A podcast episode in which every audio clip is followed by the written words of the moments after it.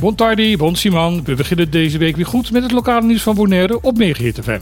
Ik ben Martijn Hischemuller en dit zijn de onderwerpen die we het afgelopen weekend voor jou hebben verzameld. Het carnaval is dit weekend echt begonnen. Traditioneel met de kinderparade. Het was voor het eerst in twee jaar dat dit weer kon.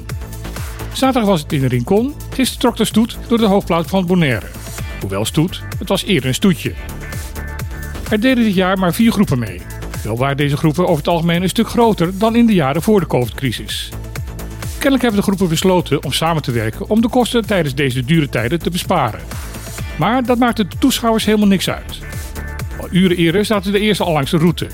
Toen de vrolijke optocht uiteindelijk passeerde, was het enthousiasme dan ook groot. Een kleine regenbui kon daar niks aan veranderen. Komend weekend past weer het grote carnaval los, te beginnen met de tiende optocht vrijdagavond in Playa. Het feest wordt dinsdagavond 21 februari afgesloten met de afscheidsparade wederom rondom Playa.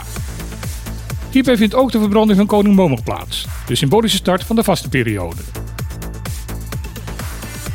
Het is nog een beetje in de schaduw van de net losgebarsten carnaval, maar over ruim vier weken, op 15 maart, vinden er twee verkiezingen plaats. Allereerst de gebruikelijk vierjaarlijkse eilandsraadsverkiezingen, maar gelijktijdig kan men op die datum ook kiezen voor de kiescolleges. Via deze kiescolleges wordt uiteindelijk de leden van de Eerste Kamer in Den Haag gekozen. Het is het controleorgaan binnen de Nederlandse democratie die moet toetsen of in de Tweede Kamer aangenomen wetgeving wel aan alle regels en eisen voldoet. Het is voor eerst dat de kiezers in Caribisch Nederland invloed kunnen uitoefenen op de zetelverdeling in de Eerste Kamer. Normaal gesproken wordt die verdeling namelijk gekoppeld aan de uitslag van de provinciale verkiezingen, die op 15 maart gelijktijdig in Europees Nederland gaan plaatsvinden. Omdat Caribisch Nederland niet onder een provincie valt, konden we daar nooit aan meedoen. Maar dat is nu veranderd via de zogenaamde kiescolleges. Omdat dit een nieuw fenomeen is, dus nog onbekend, is de Reisdienst Caribisch Nederland afgelopen week met een informatiecampagne begonnen. De komende weken zal de bevolking van Bonaire via radio, tv, kranten, social media en een huis-aan-huis informatiefolder geïnformeerd gaan worden. Los daarvan heeft de redactie van het radioprogramma Op de Klippen besloten om de komende weken ook veel aandacht te gaan besteden aan deze Bonaire nieuwe verkiezing. Het Klein Bonaire Reforestation Project weet te melden dat afgelopen week de duizendste sabelpalm op Klein Bonaire is geplant. Het gaat hier om een variant van de sabelpalm die uitsluitend op Bonaire voorkomt. 2,5 jaar geleden werd dit herbewassingproject opgezet. Op dat moment waren er nog maar 25 van deze soort op heel Bonaire te vinden. De boom groeit extreem langzaam en de jonge net onkiemende palmpjes worden op het grote eiland opgegeten door loslopende geiten en ezels. Daarom kwam initiatiefnemers Elsmarie Beukboom met het plan om te beginnen met de aanplant van jonge palmspruiten op Klein Bonaire. Daar kunnen de boompjes namelijk in alle rust en veiligheid volwassen worden. Om het aantal van duizend te halen was de inzet van ruim 600 vrijwilligers en STINAPA-medewerkers nodig. Beukboom is erg dankbaar voor de inzet van al deze mensen. Voor haar project een prachtig voorbeeld hoe samenwerking en enthousiasme tot opmerkelijke resultaten kan leiden.